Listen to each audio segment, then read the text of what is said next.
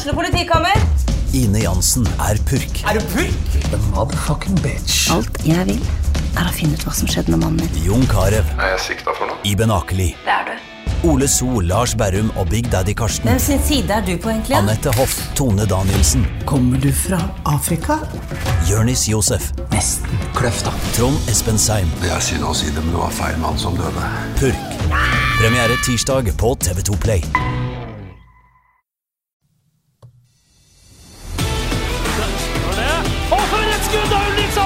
Har du sett på baken, Ulrik Saltnes? Da er det skåring! Og så skårer Bodø-Glimt!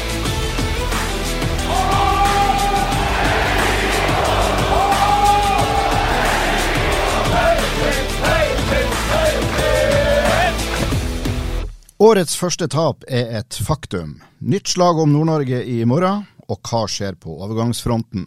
Dette er dagens forskjellige tema i Studio Glimt-podden tirsdag 27. juni. Velkommen Trond Olsen, og velkommen Freddy Thoresen.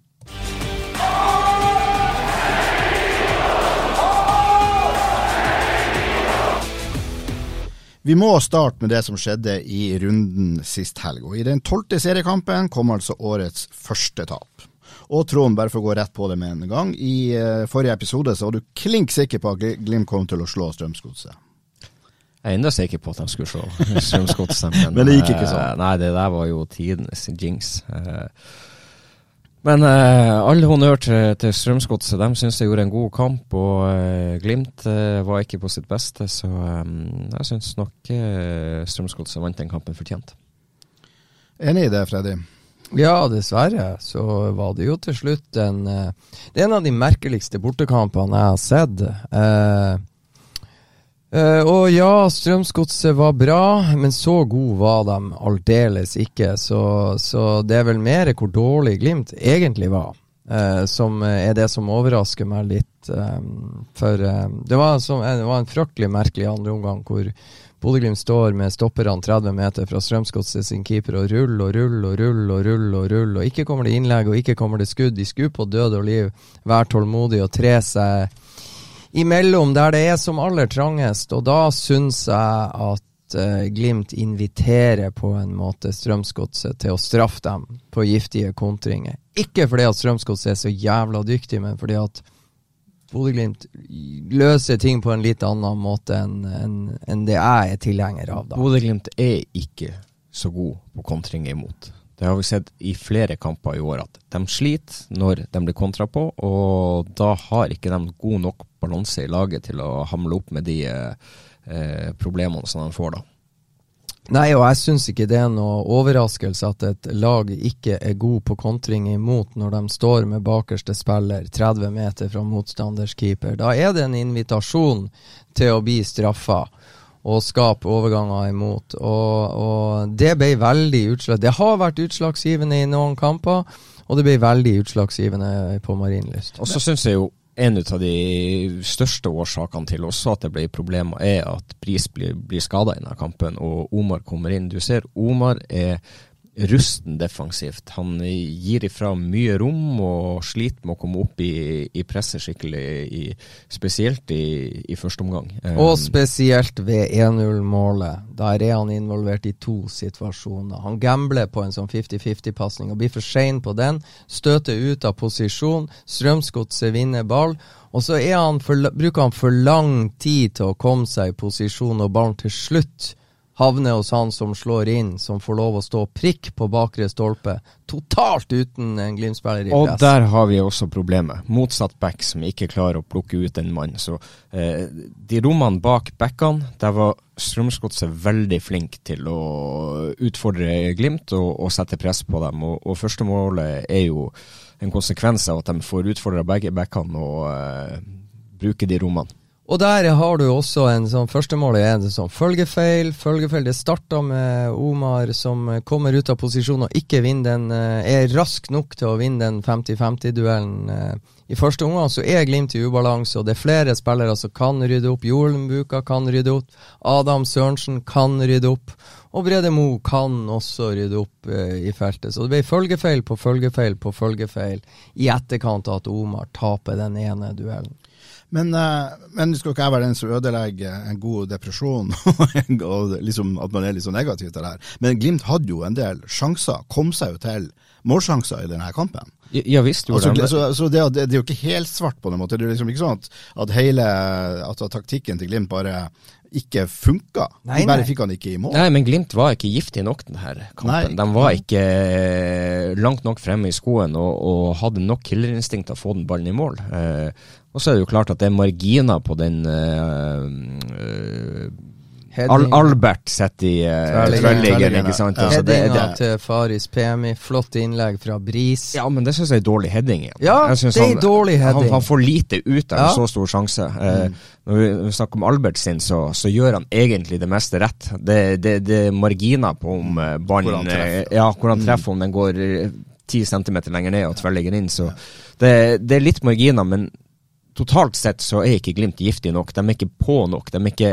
gode nok i de avgjørende situasjonene offensivt og defensivt i denne kampen. Men vi har snakka om det tidligere når det gjelder Molde. At de har hatt kamper hvor de ikke har fått den uttellinga. De har, de har hatt sjanser. Jeg, jeg satt med en litt sånn følelse at nå har Glimt en sånn type kamp som Molde har hatt når de har slitt. Vi er egentlig bedre, men vi klarer ikke å sette ballen i mål. Jeg syns egentlig det var en bra oppsummering og en bra anekdote der, eller hva du sier, eh, eller sammenligning i forhold til hvordan du har lest Molde-kampene. Ja, det var, eh, det var en litt sånn kamp. Glimt hadde sjansene, men var rett og slett ikke giftig nok. For det er en stor sjanse, den til Faris Pemer. Den er jeg enig med deg, Trond. Den er større enn Albert sin. Og så, så er gang på gang både Albert Grønbæk og Hugo Vetlesen rettvendt der man ønsker at de skal være rettvendt, og så veldig feil valg og dårlig utførte valg når de da skal ta neste steg. Og det gjorde de flere ganger. Det er klart, Glimt er nødt. Hvis Glimt skal skinne på, eller fyre på alle sylinderne, så er både Albert og Hugo, når de er i de posisjonene der, så må de gjøre ting riktig, sånn som de så ofte gjør vanligvis. Men det gjorde de ikke mot Strømsgodset. Og så har Strømsgodset noen gode spillere som er fryktelig gode, og som, som, eh, som får utfordra Glimt og, og gjør det vanskelig for Glimt i perioder. Så det, det er sammensatt. Mm. Eh, du hadde jo børsen, du Freddy. Du eh, er jo rimelig knallhard der. Du gir eh, tre både på Hugo og Amahl Pellegrino. Det er ganske uvanlig kost.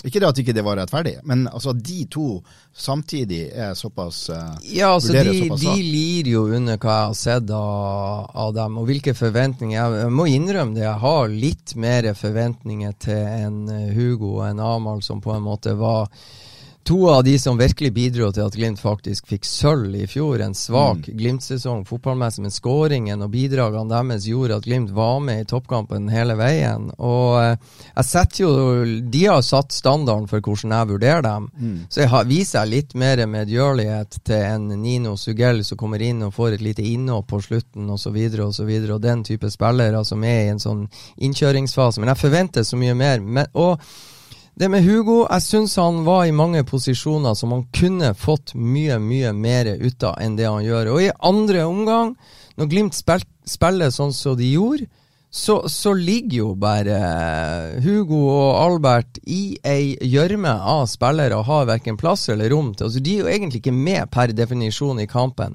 Og den ene gang, merkelig nok, den ene gangen Amahl faktisk får ballen Så det her er jo ikke premisser for Amahl å spille fotball på. Men den ene gangen han får en god situasjon, så trer han. Han gjør det Albert og Hugo ikke gjorde. Han fant Joel Umbuka og trer han alene med keeper og, og setter Joel opp sånn at han faktisk burde utligne. Så selv det klarer Amahl å gjøre på en veldig dårlig dag.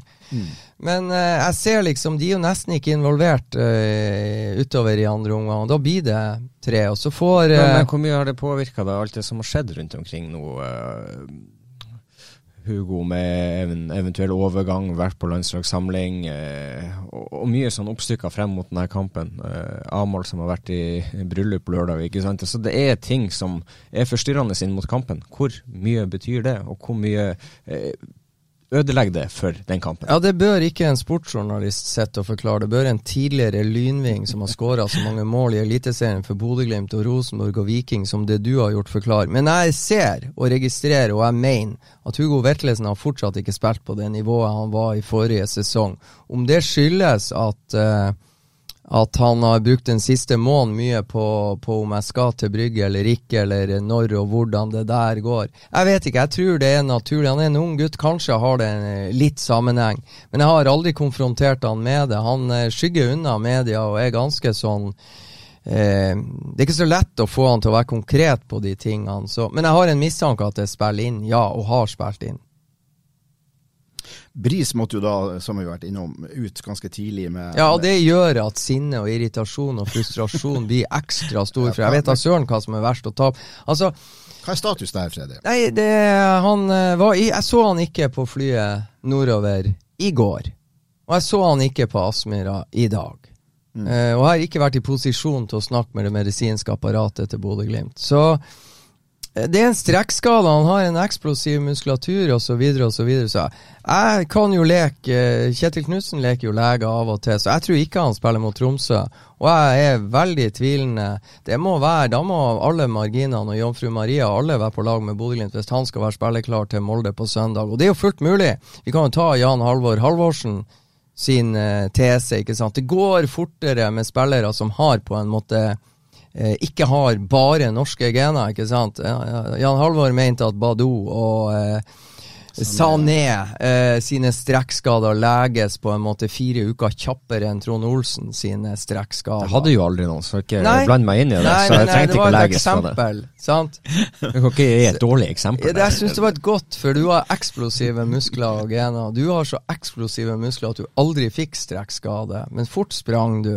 Men eh, Så jeg tror vi kan støtte oss litt til Jan Halvor-hypotesen, at med en, en eh, Runar Espejord og en Fredrik André Bjørkan og den type spillere, så, så, tar det tre uker. Og med sånne som Bris og Amahl Pellegrino og Faris Pemi, så kan det ta ei uke. Mm, altså, så det er lov å håpe. Det er lov, absolutt lov å håpe. Og han var veldig ordknapp òg i, i mix-zone, altså. Han var det, og det fine er han gikk jo av etter 20 minutter, så han, han gjorde ikke Han tok ett løp for mye, sant. Mm. Så forhåpentligvis har han, har han ikke gjort skaden verre, da. Så det blir spennende å følge.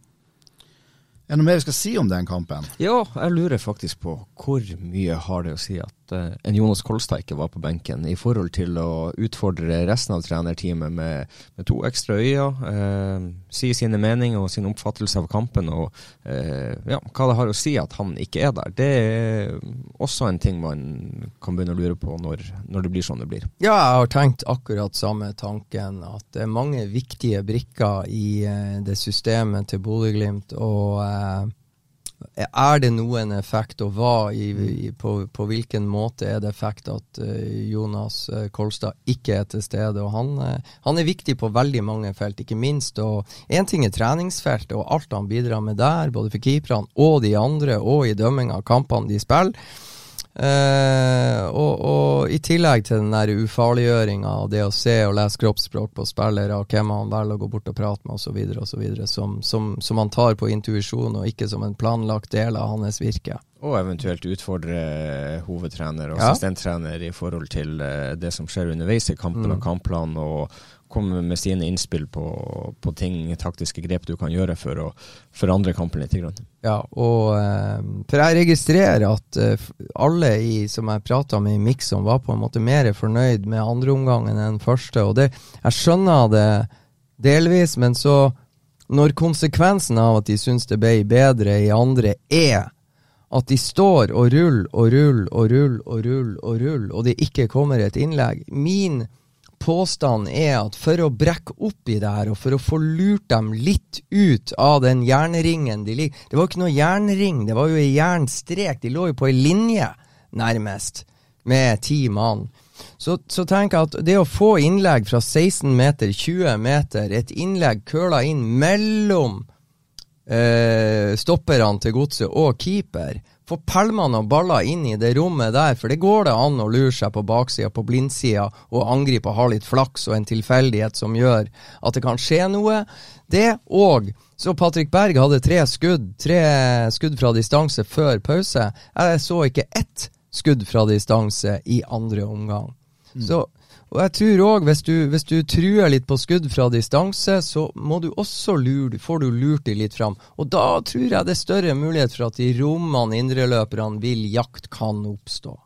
hvis det i hele tatt var mulig å lure de ut. Det virka som at Strømsgodset etter pausen var veldig eh, bevisst på det. her. De, de skulle ligge der bak. De skulle, det virka som dette var en strek de hadde tegna med Ja, stor da, bevissthet. og da tror ikke jeg nøkkelen er og rulle og rulle og rulle og rulle og vente på et rom som aldri kan oppstå, skal oppstå. Men du må rive og slite dem mye Ja. mer, og få, få trusler inn bak dem, imellom dem, og samtidig bevegelser som gjør at det blir vanskelig å forsvare seg. Og så vil jeg tro at når du står sånn som det der Én ting Altså, det er Det var varmt der, og, og du skal stå Jeg tror kanskje det har vært lettere å funne smutthull i ti grader og regn enn det etter hvert viste seg å være eh, at man kanskje blir litt mer motløs når man er litt ukomfortabel og varm i topplokket.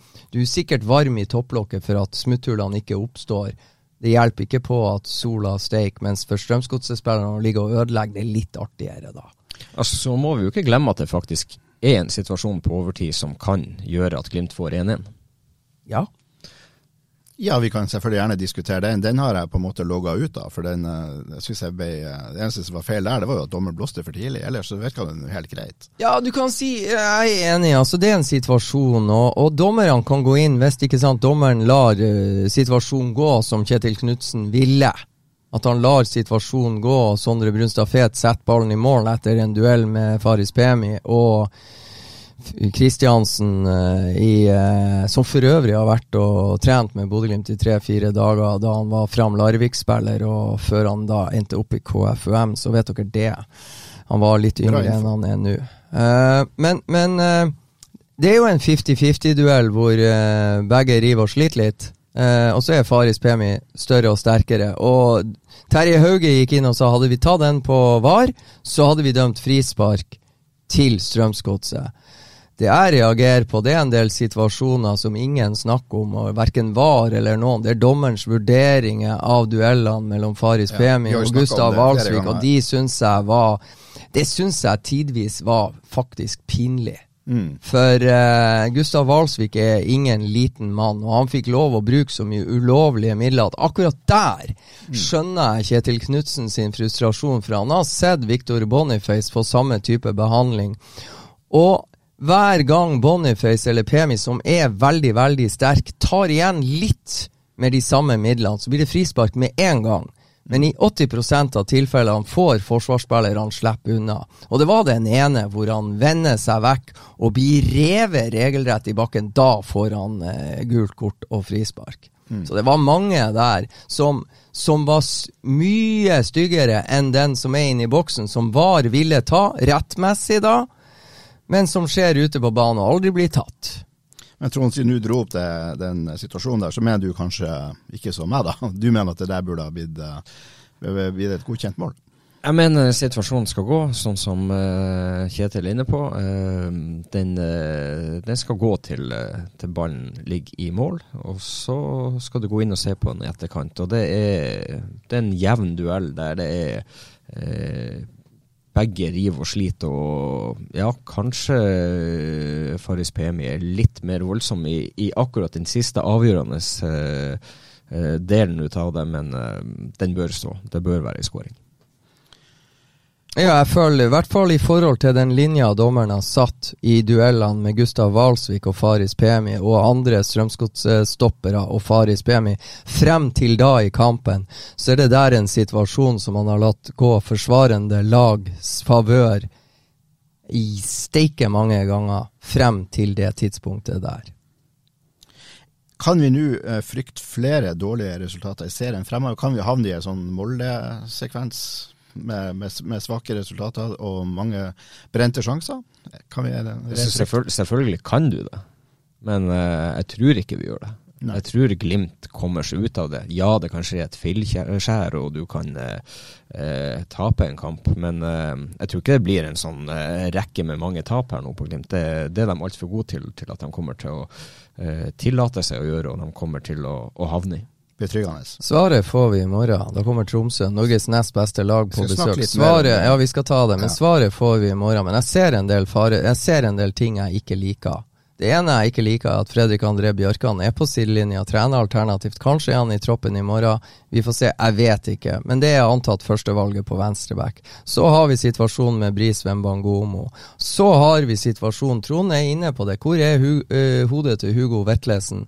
Nå er han inne i sine to siste kamper. Hugo har ikke vært på det nivået han var i fjor så langt i denne sesongen. Og Trond stiller som sagt spørsmål har det noe. Vet han, Går han inn i 100 i duellene og han vet at han antageligvis har signert for Klubb Brygge. Og så er det Joel Umbuka. Hvordan er det med hans føtter? Han er også inne i sin siste kamp. Og han står jo vitterlig i pressesona og sier at han har spilt sin siste kamp for Bodø-Glimt. Og så får han da en kontrabeskjed om at uh, kontrakten går ut 30. juni. Hvor steike lyst hadde han eh, å sette kursen mot Bodø og ta med seg denne cupkampen, når han står søndag og sier at han skal ha ferie? Så her er noe, og så, så er det òg noe med de som erstatterne som skal komme inn og ta over. Nino Sugell, er han fysisk der han skal være til å hoppe rett inn og ta over etter Joel Mbuka? Sondre Brunstad Fet har da fått noen innhopp og har måttet hvilt kroppen litt. Grann. Ulrik Saltnes er på vei frem. Så her er noen her er noen Glimt er nødt til å gjøre en god prestasjon eh, mot Tromsø på onsdag. For hvis det her tingene som jeg påpeker, de kan ikke stille den optimale elveren sin. Den, den de ønsker, som er Fredrik André og Bris, det er to. Og så har vi da to som er inne i sin siste periode. Det er fire til sammen, ikke sant? Og det betyr jo at du egentlig går én måned inn nå der du ikke kan forsterke laget heller med noen ut, utad. Nemlig, ikke sant. Så eh, Glimt er nødt til å få gode svar ganske kjapt. For hvis, begynner, hvis de begynner å plages, hvis de, de plagdes på Marienlyst, hvis de plages mot Tromsø, ok, så tror jeg det kan balle på seg at de kan plage, plages mot et uh, Molde-lag som uh, har litt sånn fornya selvtillit og ser at uh, Glimt plages litt. Grann. Så det blir veldig interessante svar på onsdag kveld. Som sagt skal vi tilbake til den kampen, men vi kan jo holde oss til runden. Serierunden. Molde vant jo, de slo jo Haugesund 1-0. Jeg vet ikke om dere fikk sett noe på den kampen. Jeg så den sånn delvis. Uh, ikke storimponert over det. Jeg vet ikke om du fikk sett noe, Trond? Nei, jeg så ikke på den. Jeg fulgte med litt på Rosenborg og, og så at de fikk grisehjuling. Det gjorde de, men uh, Molde er solid, og de, uh, de vinner ett mål. Men de hadde, Haugesund hadde faktisk et par sjanser i andre omgang som som det lukta mål av. Så ikke, ikke, helt sånn han er overimponert over det, over det Molde gjorde. Og Så har vi Rosenborg-Sarpsborg som endte 0-3, for en fantastisk kamp. Sarpsborg er er fremstår jo som et av Norges desidert beste lag på Lerkendal. Ja, men det, det, er forferdelig det du ser Rosenborg holder på med. Det er, det, det er så langt ifra Rosenborg verdig det de bedriver med om dagen at det er ja, det er Jeg finner ikke det rette ordet å beskrive det for. Uh, Rosenborg er så langt, langt, langt unna å være et uh, lag som skal kjempe i toppen per dags dato, at uh, de har De må passe, seg, så havner de i nedrykningsstriden. Ja, de har nok, nok å, å, jobbe med å få retta på for å bli et litt bedre lag i løpet av det, det her året. Mm, ja, altså det der verre blir det ikke. Og, og eh, der er Svein Målen har fått overta Rosenborg, og jeg har sett en del intervjuer. Han har vært offensiv i stilen og litt høy og mørk. Eh, kunne ha ønska meg bitte, bitte litt mer ydmykhet når du får lov å overta som uh, trener for giganten fra Trondheim. For det, det er en storklubb, det skal vi ikke være i tvil om. Og når du da ja da, det er du, du, Det nytter ikke bare å stå og prate om at vi legger om til 4-3-3. Og det gjorde de. De eh, skulle legge om alt, ikke sant. Og alt Kjetil Rekdal og Geir Frigård har holdt på med og jobba med, var feil her. Nå skal vi gjøre det på Nils Arne Eggen sin måte. Og når du da går til pause med 0-3 og har framstått sånn som dere gjorde. Og det verste av alt for Rosenborg nå, så kommer meldinga i dag. Altså, det her er typisk. 87-88 minutter så går Markus Henriksen, som er en god fotballspiller, går opp i en duell, og Pascal eh, hva han nå heter, spissen til, til Sarp, detter over foten til Markus Henriksen. Og i dag kom dommen. Sesongen er over for Markus Henriksen. Og det kan jeg bare si, det gjør ikke jobben lettere for Svein Målen og de som skal snu det der på Lerkendal. Huff. Uh, vi går videre på Så har vi da TIL uh, Stabæk. Der vant jo TIL 2-1. Fortsetter å vinne med ett mål. Det er vanvittig sterkt. Det er en kjempeegenskap å dra de her eh, seirene i land med ett mål. Altså det, du kan gå tilbake til, til 2018, tror jeg var med Glimt. Hvor mange uavgjortkamper mm. hadde ikke Glimt da? Hadde de, hadde de eh, dratt noen ut av de kampene i, i, i, inn til seier, så hadde du jo vært på øvre halvdel av tabellen. Så det er en vanvittig sterk prestasjon det Tromsø får til. Ja, altså Stabæk tar ledelsen 1-0 med Kasper Høeg tidlig. og det er jo, Jeg rekker knapt å fordøye at uh, Stabæk uh, til min store glede leder 1-0 der oppe. og Så går jeg inn og sjekker noen minutter senere, og da har de snudd det til 2-1. Mm. Det var 1-1 etter 15, og så var det VAR involvert og ga TIL straffespark, som Vegard Erlien satte i mål, og 2-1. og Eneste som forstår TIL har grunn til å de burde angivelig ha vunnet både 4-1 og 5-1, men det ble 2-1, og det er jo typisk TIL. Veldig bra TIL. HamKam Odd 0-1, skal ikke snakke så mye om den. Men jo, det vi kan snakke om, si om det, det, jeg vil si om den kampen, det er jo det at jeg, jeg er imponert over de sør i landet. Jeg håper det ikke skjer i Nord-Norge, på nordnorske baner, der de to beste lagene i Norge holder til. Men til og med etter all PR-en som har vært etter at det ble kasta ei flaske i hodet på dommer eh, Rohit Saggi på Naderud, så er det selvfølgelig noen unger som er på eh, på kamp på Briskeby og, og pælme ei eh, ganske sånn halvfull eh, brusflaske i retning hodet til Odd sin matchvinner. Og Mm. Her er det en del foreldre, tror jeg. Det er faktisk ikke bare fans eh, og supportere og den slags. Her er det en del foreldre som eh, må stramme opp ungene sine og gi dem ei lita lekse for hvordan de skal oppføre seg når de drar på, på, fotballkamp. Så eh, heldigvis så bomma han med flaska, men det er veldig tydelig hvis man ser TV-bildene at den kom. Mm. Så helt håpløst, spør du meg. Bra du, du fikk eh, fletta inn det, Freddy. Lørdagen var det en annen, eh, den siste kampen i denne runden vi skal nevne. Det var da Viking Brann. Det var en jækla god fotballkamp, syns jeg. Ah, stor underholdning. Ja, så eh, liker jeg den oppbygginga til kampen der det er litt eh, skitkasting frem og tilbake. og Det, ja. det er et skikkelig vestlandsdarby som bygges opp til, og det er to leirer som er skråstikker på at de skal vinne den kampen. og så ja, ta min tidligere klubb Viking eh, en eh, god 3-1-seier, og det er sterk prestasjon. Sterk prestasjon, og Lars Jørgen Salvesen skulle plukkes av banen, og selvfølgelig han eh, nekta han å gå av banen, for han teppa inn ei flott skåring fra en halv meter. Men jeg må si Slatko Tripic er artig å se. Altså måten Altså Hvor rolig og beherska han er når han kommer alene med keeper og bare legger han i korthjørnet der. Det er så kontrollert og mm. nydelig å se på. Så eh, det, var, det var god underholdning lørdag kveld, jeg må si det.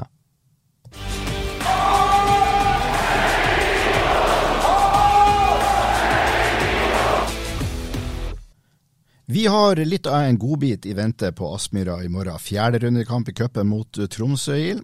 Skal vi glede oss, eller skal vi grue oss? Jeg begynner jo nesten å helle mer mot det siste etter å ha hørt, hørt deg nettopp, eh, Freddy. Blir det, blir det her en, eh, en eh, cupskrell for litt? Er du steine at Det her blir jævlig gøy. Jeg gleder meg som en unge til i morgen. Jeg tror det blir en vanvittig kamp. Det blir, det blir trøkk, og jeg håper det blir masse folk der, og, og god stemning med mye Tromsø-supportere og, og Glimt-supportere som banker dem òg på tribunen. Freddy, du, ja, også, du, ser altså, litt skeptisk ut Nei, da er jeg ikke skeptisk. Det, det, er fantastisk. Det er de to beste lagene i Norge. Det syns jeg er steike artig å si. Det er de to beste lagene i Norge by far. Eh, smak litt på den, folkens. Eh, og så eh, er det Jeg er faktisk imponert. Det har vært eh, fantastisk vær i, det, i nord her nå. Og det er solgt Det var i dag tidlig solgt 5200 tilskuere. Og det er bare å gå og se litt rundt på cupkampene som har blitt spilt så langt eh, i, i år. Vi er kommet til fjerde runde. Eh, og Bodø-Glimt og Tromsø konkurrerer med, med gode, snille værguder osv., men det mobiliseres. Og så er det noe med alle disse som har kjøpt sesongkort, og alle de som har sponsorpakker osv., osv., må på en måte det er ikke bare å gå på kamp, de må betale på nytt. For det her er Norges Fotballforbund som tar billettinntektene av, av kamper som dette. Så at 5002 har, solgt, har kjøpt billett allerede De har høyna nå til 5005. Ja, der ser du. 300 bare i dag. Det er bra. Det er et, et positivt tegn. Kanskje blir det 6000. Det vil være forrykende. Og det er også imponerende at, eh, at det er en sånn solgt en 140-150 på bortefeltet. Det er steike sterkt. Så nei, det blir en utrolig interessant kamp mellom to lag som kjenner hverandre utrolig godt, og ikke har så mange hemmeligheter overfor hverandre. Det endte jo bra sett med Glimt-øya da vi møttes 16. mai. Ja visst gjorde det. Og da var det også spillemessig en sterk kamp av, av Glimt, Derfor deler av kampen. Ja da, og så er det jo klart at du, du, du starter jo den kampen eh, ikke veldig bra med en, en, i sekken etter et par minutter allerede. Og så er du kjapt oppi det igjen og får, får ei eh, utligning. og eh, Glimt har en fortjent seier der oppe, men eh, det er et lag du skal passe deg for. Og, og Erlien, han, har, eh, han syns det ser spennende ut. Han, mm. han kommer nok til å være en en Glimt må se opp for i morgen. Ingen tvil, det er flere gode spillere, fotrappe spillere på det Tromsø-laget som eh, jeg frykta er blitt hakket bedre enn de var 16. mai. For uh, da syns jeg Glimt Jeg syns det var klasseforskjell på lagene fra det femte minutt til det 70. minutt ish. Og så ble det litt sånn Bodø-Glimt burde ha drept det for lenge siden i forhold til hvordan de kontrollerte kampen. Men så eh, var Erlien slu nok og lurte seg bak ryggen og heade inn 3-2, og da var det game on. Da kunne alt skje. Mm. Så Glimt kunne vunnet 4-2, og Tromsø kunne ha fått med seg 3-3. Så det blir utrolig interessant. Så er det jo en interessant historikk da rundt disse lagene. De har møttes 15 ganger i cupen siden 1963. Det, da starta jeg min tidsregning, da nordnorske lag fikk lov å være med på normal vis i Cup. den norske fotballcupen. ikke sant? Bodø-Glimt måtte i 63 spille alle kampene på bortebane. sant? De fikk første kamp, og så måtte de ned og slå Nidelv, og så måtte de ned og slå Rosenborg på Lerkendal, begge på Lerkendal, og så måtte de ned til Bislett og tapte 1-0 for Frigg. Så, for da var det ikke akseptabelt å spille på grus, og det var ikke så mye gressbaner i Nord-Norge på den tida. Men i eh, 65 vant Bodø-Glimt, i 69 vant Bodø-Glimt, i 74 vant Bodø-Glimt mot TIL. I 1975, på, på ferden mot sin første cupfinale, vant Bodø-Glimt 4-0. I 1977 var det en ny cupfinale, og da ble det 9-0 til Bodø-Glimt mot Tromsø. Og i 1980 ble det 4-0 til Bodø-Glimt mot Tromsø. Så de seks første gangene disse lagene møttes i cupen, så ble det seks eh, seire til Bodø-Glimt. Så hvis ikke jeg tar feil, Trond, så vant TIL cupen i 1986. Stemmer det? Stemmer vel. Eh, de slo Lillestrøm. Slo Lillestrøm i finalen. Jeg heia som faen på Lillestrøm i den kampen. Du, jeg, jeg, var jo knapt født da, så jeg Nei. husker ikke det. og da, Det er artig at min gode venn Tom Opsahl har jo et bilde. altså TIL-fansen har jo syntes det var så steike, steike, steike artig å angripe Glimt-fansen for den tannbørsten. Men hvis uh, TIL-fansen slår opp i VG etter at Tromsø slo Lillestrøm 4-1 i cupfinalen i 1986, hva er det man ser? Jo, der står Tromsø-supporterne med en rød tannbørste. Det, der er, det der er, litt underkommunisert. Shame on you, TIL-fans, hva?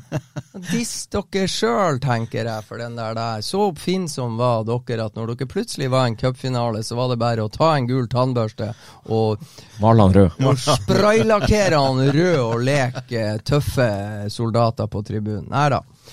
Så så også i 93, årets uh, Bodø-Glimt ble cupmester siste gang. Da møttes lagene på Aspmyra. Bodø-Glimt vant 3-0.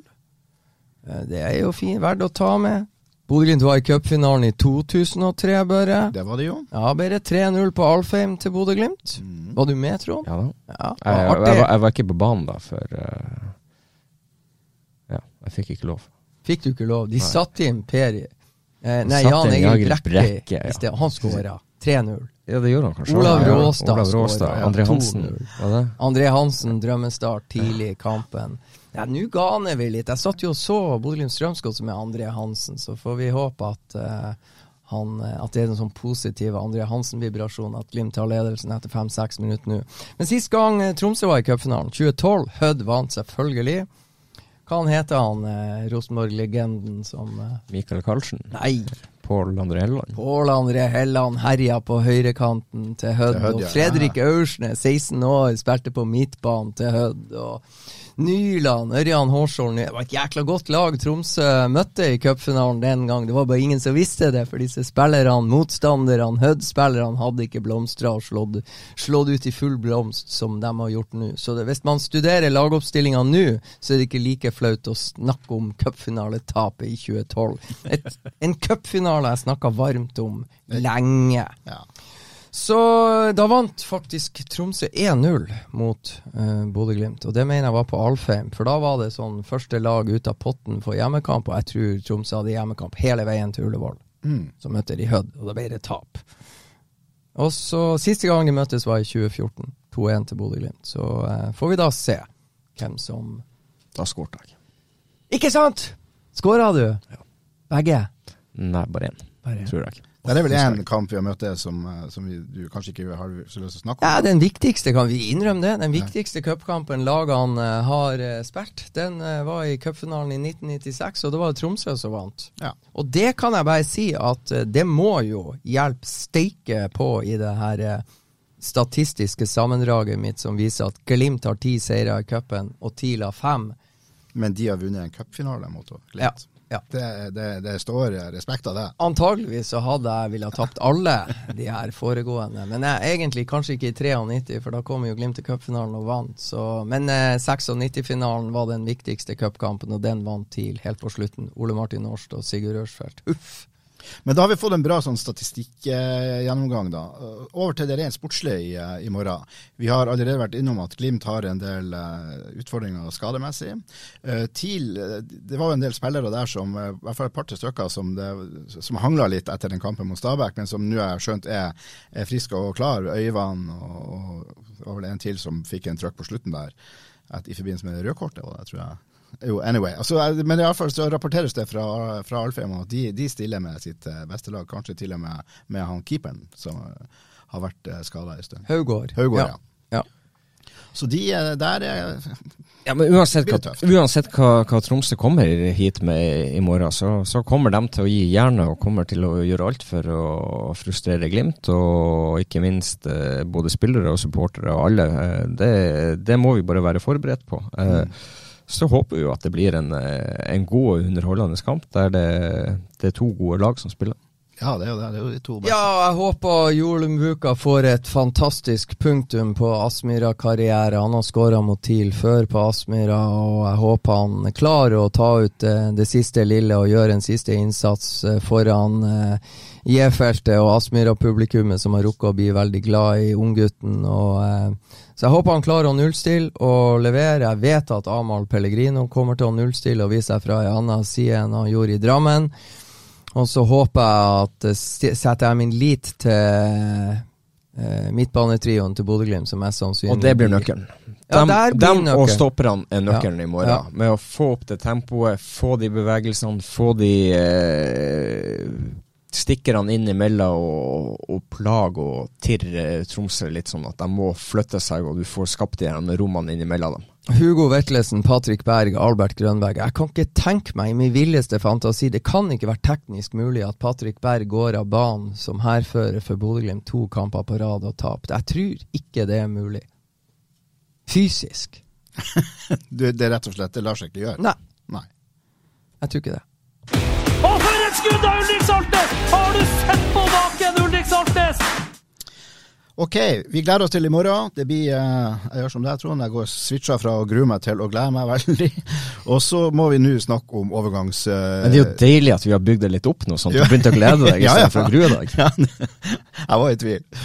Men nå må vi snakke om overgangsrykter som florerer, og det blir jo bare flere og flere for, for, for, for hver, time, hver time som eh, går. Og nå var det jo et, et ferskt rykte som, som folk har sikkert har fått med seg i Nettavisen og på an.no, nemlig at Glimt skal være interessert i Kasper Høeg, eh, spissen til eh, Stabæk, den innleide dansken. Som skåra mål mot Tromsø og ble utvist Ja. mot eh, Tromsø. Og fire minutter etter at uh, Nettavisa og Avisa Nordland publiserte den saken der, så, så var det en journalist i Bodø som fikk tips om at Kasper Høeg er på flyplassen i Bodø. så så rykta han går. går. ja. ja. Trond, vil eh, Kasper Høeg være en eh, interessant signering for, eh, for Bodø-Glimt? Ja, det, det tror jeg. Jeg syns jo han, uh, ut ifra forutsetningene og det han har gjort i Stabæk, så, så har han vært eh, spennende. Han eh, har skåret litt mål. Fem skåringer og en- Ja. og én assist, Ja. står han så langt. Jeg syns ikke det er så aller verst for, eh, for en spiss på, på Stabæk. Og så vet du at når du spiller spiss i Glimt, så får du ekstremt mye flere sjanser, og du eh, får eh, har, har, har mange flere gode spillere rundt deg som kan skape mye for deg. Så det eh, Han kan være en, eh, en fin forsterkning. Enig? Ja, Han minner meg litt om Erik Botheim. En sånn dansk utgave av Erik Botheim. Eh, kanskje Erik Botheim faktisk er hakket mer ydmyk og rolig. Og det forteller jo det aller meste.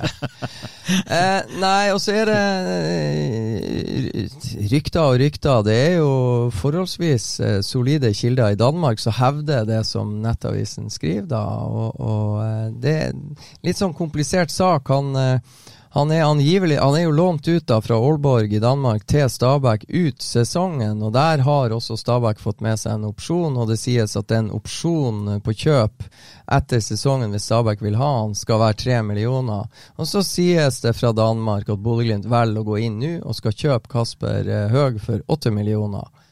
Og så er det hvordan det her løses teknisk. Det har vi ikke fått så mye svar på, ikke sant. Eh, eh, så tenker jeg med meg sjøl, jeg må bare korrigere, vi må spørre din gode venn Jim Solbakken om hvordan det her fungerer. For altså, Min tolkning er jo da at Stabæk og Aalborg har en opsjon.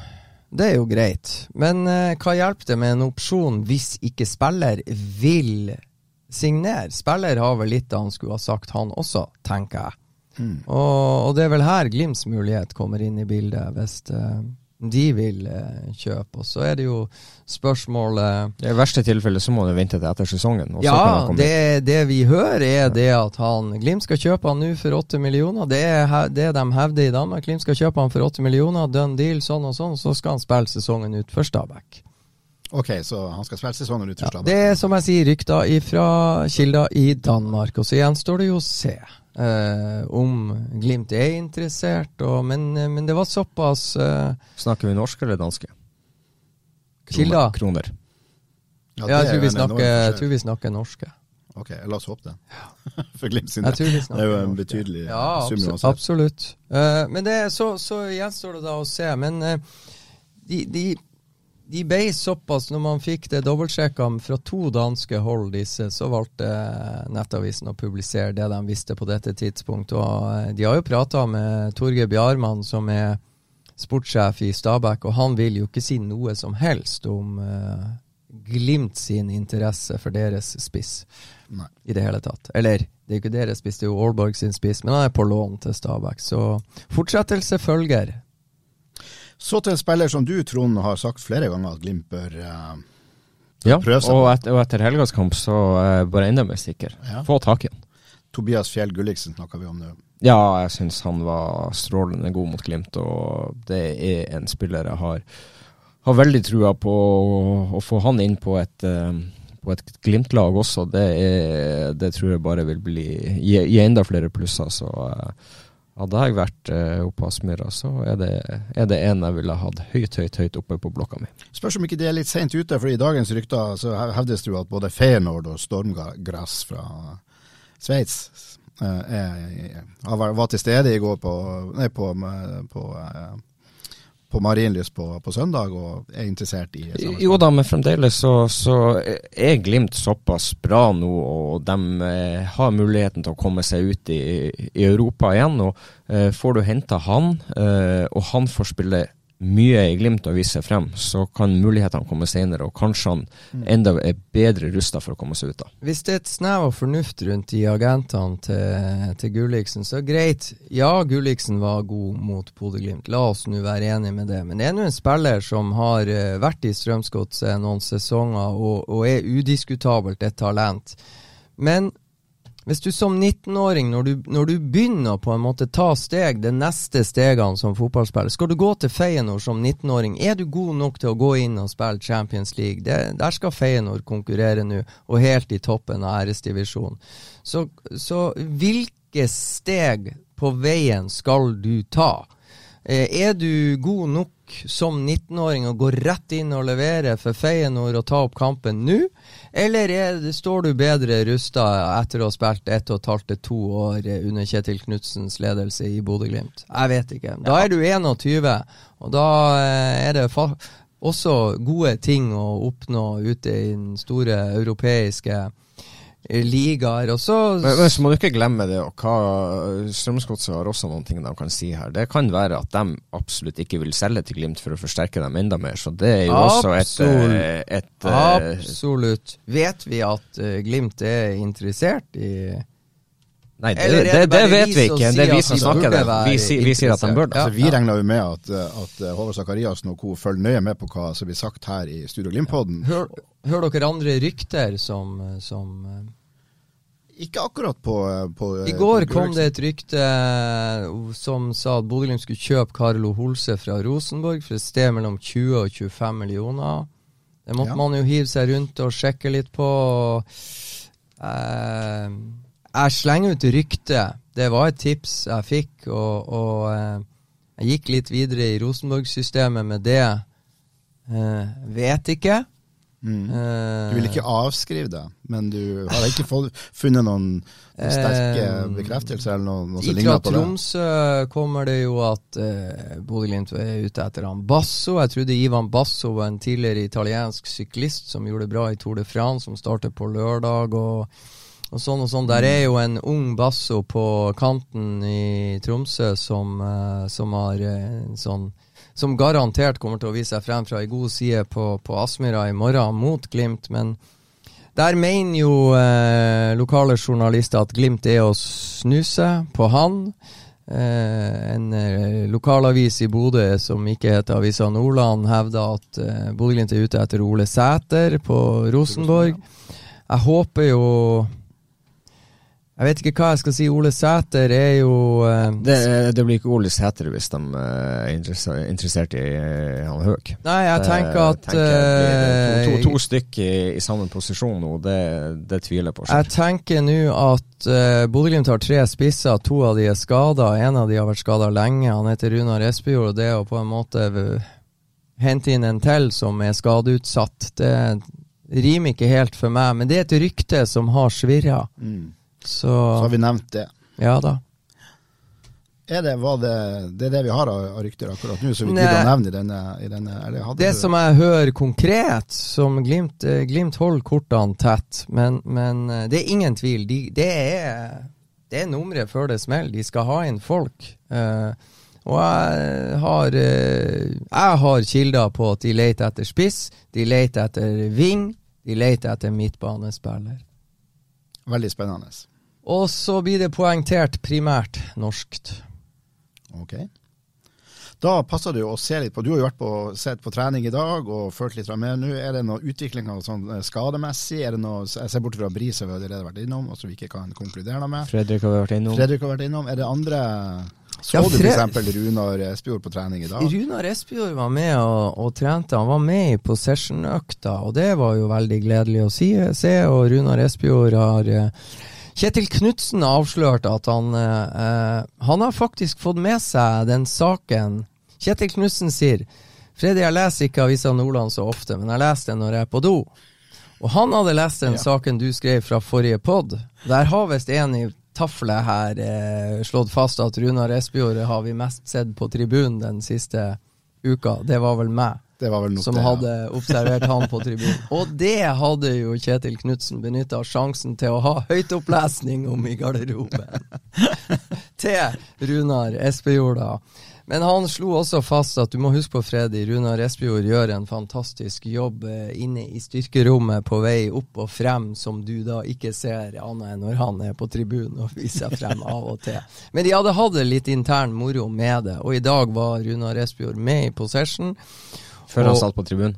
Nei, og så gikk han faktisk og, og kjørte litt sånn uh, tunge eh, start-stopp-spurtøvelser. Så han er jo i fremgang og jobber hardt, han gjør det. Um, Fredrik André loggførte også ei knallhard trening og fortsatte etter treninga med uh, diverse løp og, og, og vendinger for å styrke opp i, i egne rekker. Så var det nok Amahl Pellegrino eh, var ikke med i spill. Hugo Vetlesen var ikke med i spill. Brede Mo var ikke med i spill. Og jeg tror for de fleste her så er det å bare få fintuna kroppen eh, med, med litt sånn eh, bøying og tøying og den slags. For litt kondisjon har de jo fortsatt. Vi, vi får se de i morgen. Jeg håper det. Mm. Jeg tror jeg kan garantere at de aller fleste av de har nevnt Men det, det er mm, Isak Helst Amundsen ikke i tropp. Lasse Nordås er ikke i tropp, for å ta nå det. Mm.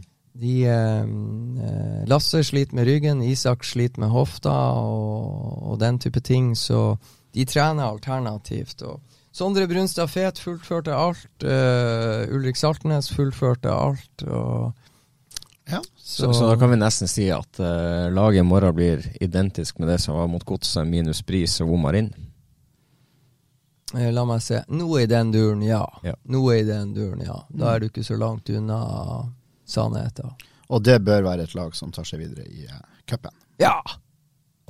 Og for et skudd av Ulrik Saltnes! Har du sett på baken, Ulrik Saltnes? Vi skal eh, begynne å runde av, men vi kan jo ikke gjøre det uten å ha vært innom værøymeldinga. Trond, er dere fortsatt ubeseira? Du vet jo det, du har jo gjort research. ja, men jeg vil jo gjerne lage litt overraskelse til lytteren. Ja, det ble en deilig 6-0-seier eh, borte mot Storm i går, så vårsesongen er avblåst. Åtte av åtte.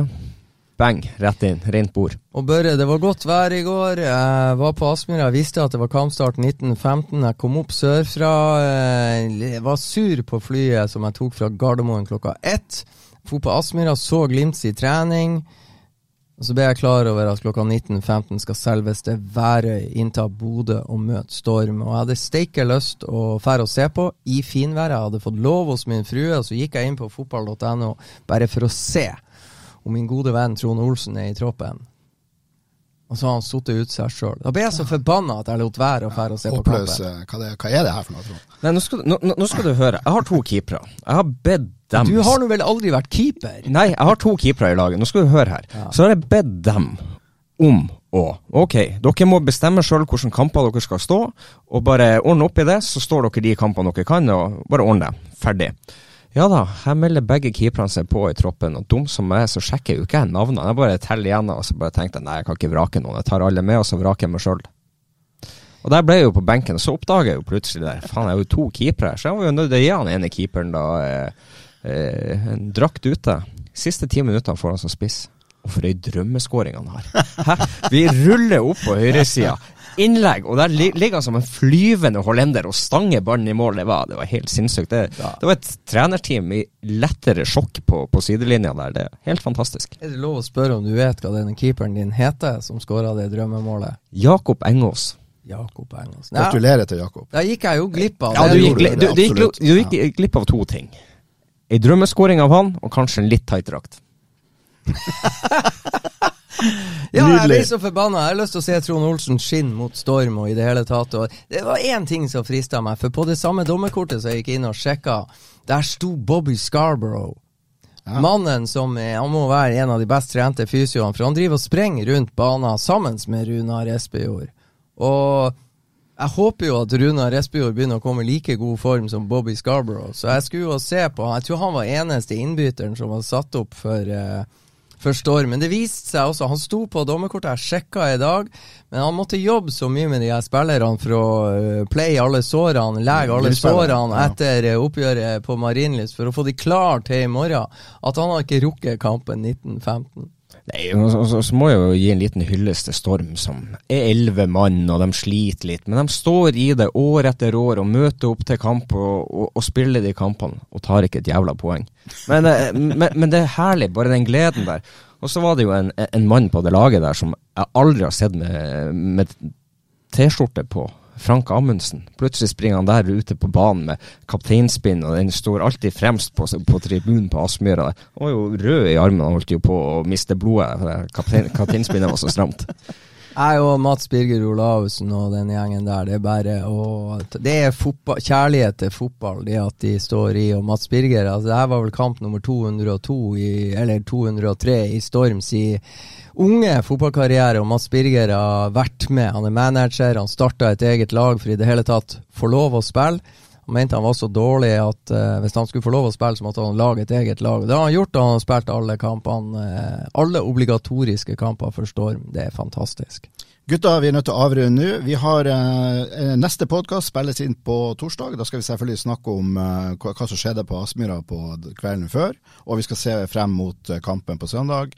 Den veldig viktige seriekampen mot eh, Molde. Men nå ser jeg Trond har eh, Ja, må ikke glemme at det er lita oppvarming til, eh, til kamp i morgen fra, fra stadion òg, Freddy. Ja visst Ja, det det- er det. Vi det- skal inn fra indre bane bare klokka 18.00, vet du. Da kommer Trond Olsen i gjest.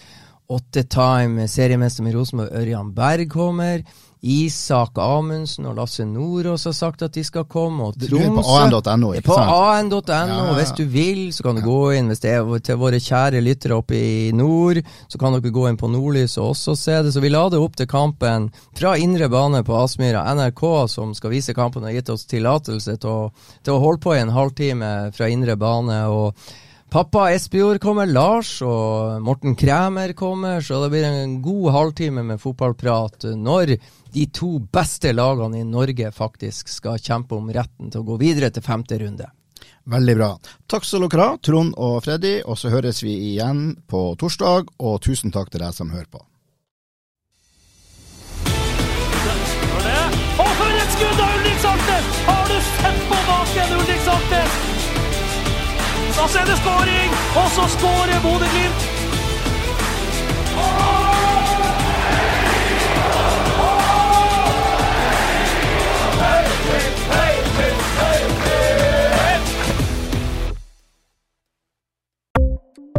Ukens annonsør er HelloFresh. HelloFresh er verdens ledende matkasseleverandør og kan være redningen i en travel hverdag. Mange av oss har nok vandret i butikken både sultne og uten en plan for middagen, som ender med at vi går for de samme kjedelige rettene gang på gang. Middag burde være dagens høydepunkt. Som HelloFresh kan du nå velge mellom 25 ulike retter hver eneste uke, eller få HelloFresh til å sette sammen menyen for deg. Dette gir deg muligheten til å prøve nye og spennende retter alene eller sammen med familien. Du velger antall porsjoner og får alt levert på døren på et tidspunkt som passer for deg. Oppskriftene er enkle, og maten er lett å lage både for store og for små. Ved å få alt levert hjem får du også mer tid til å dele matgleden med familie og venner. Kanskje det frister med asiatiske tacos eller greskinspirert kylling? Da kan jeg anbefale deg om å gå inn på hellofresh.no. Her kan du bruke koden FOTBALL og få opptil 1779 kroner i rabatt på de første fem matkastene hvis du ikke har prøvd HelloFresh tidligere. Du kan også bruke rabatten hvis du har vært kunde og stoppet abonnementet ditt for tolv måneder siden eller lengre. Gå inn på hellofresh.no og bruk koden FOTBALL. Har du et enkeltpersonforetak eller en liten bedrift? Da er du sikkert lei av å høre meg snakke om hvor enkelt det er med kvitteringer og bilag i fiken, så vi eh, gir oss her, vi. Fordi vi liker enkelt. Fiken superenkelt regnskap.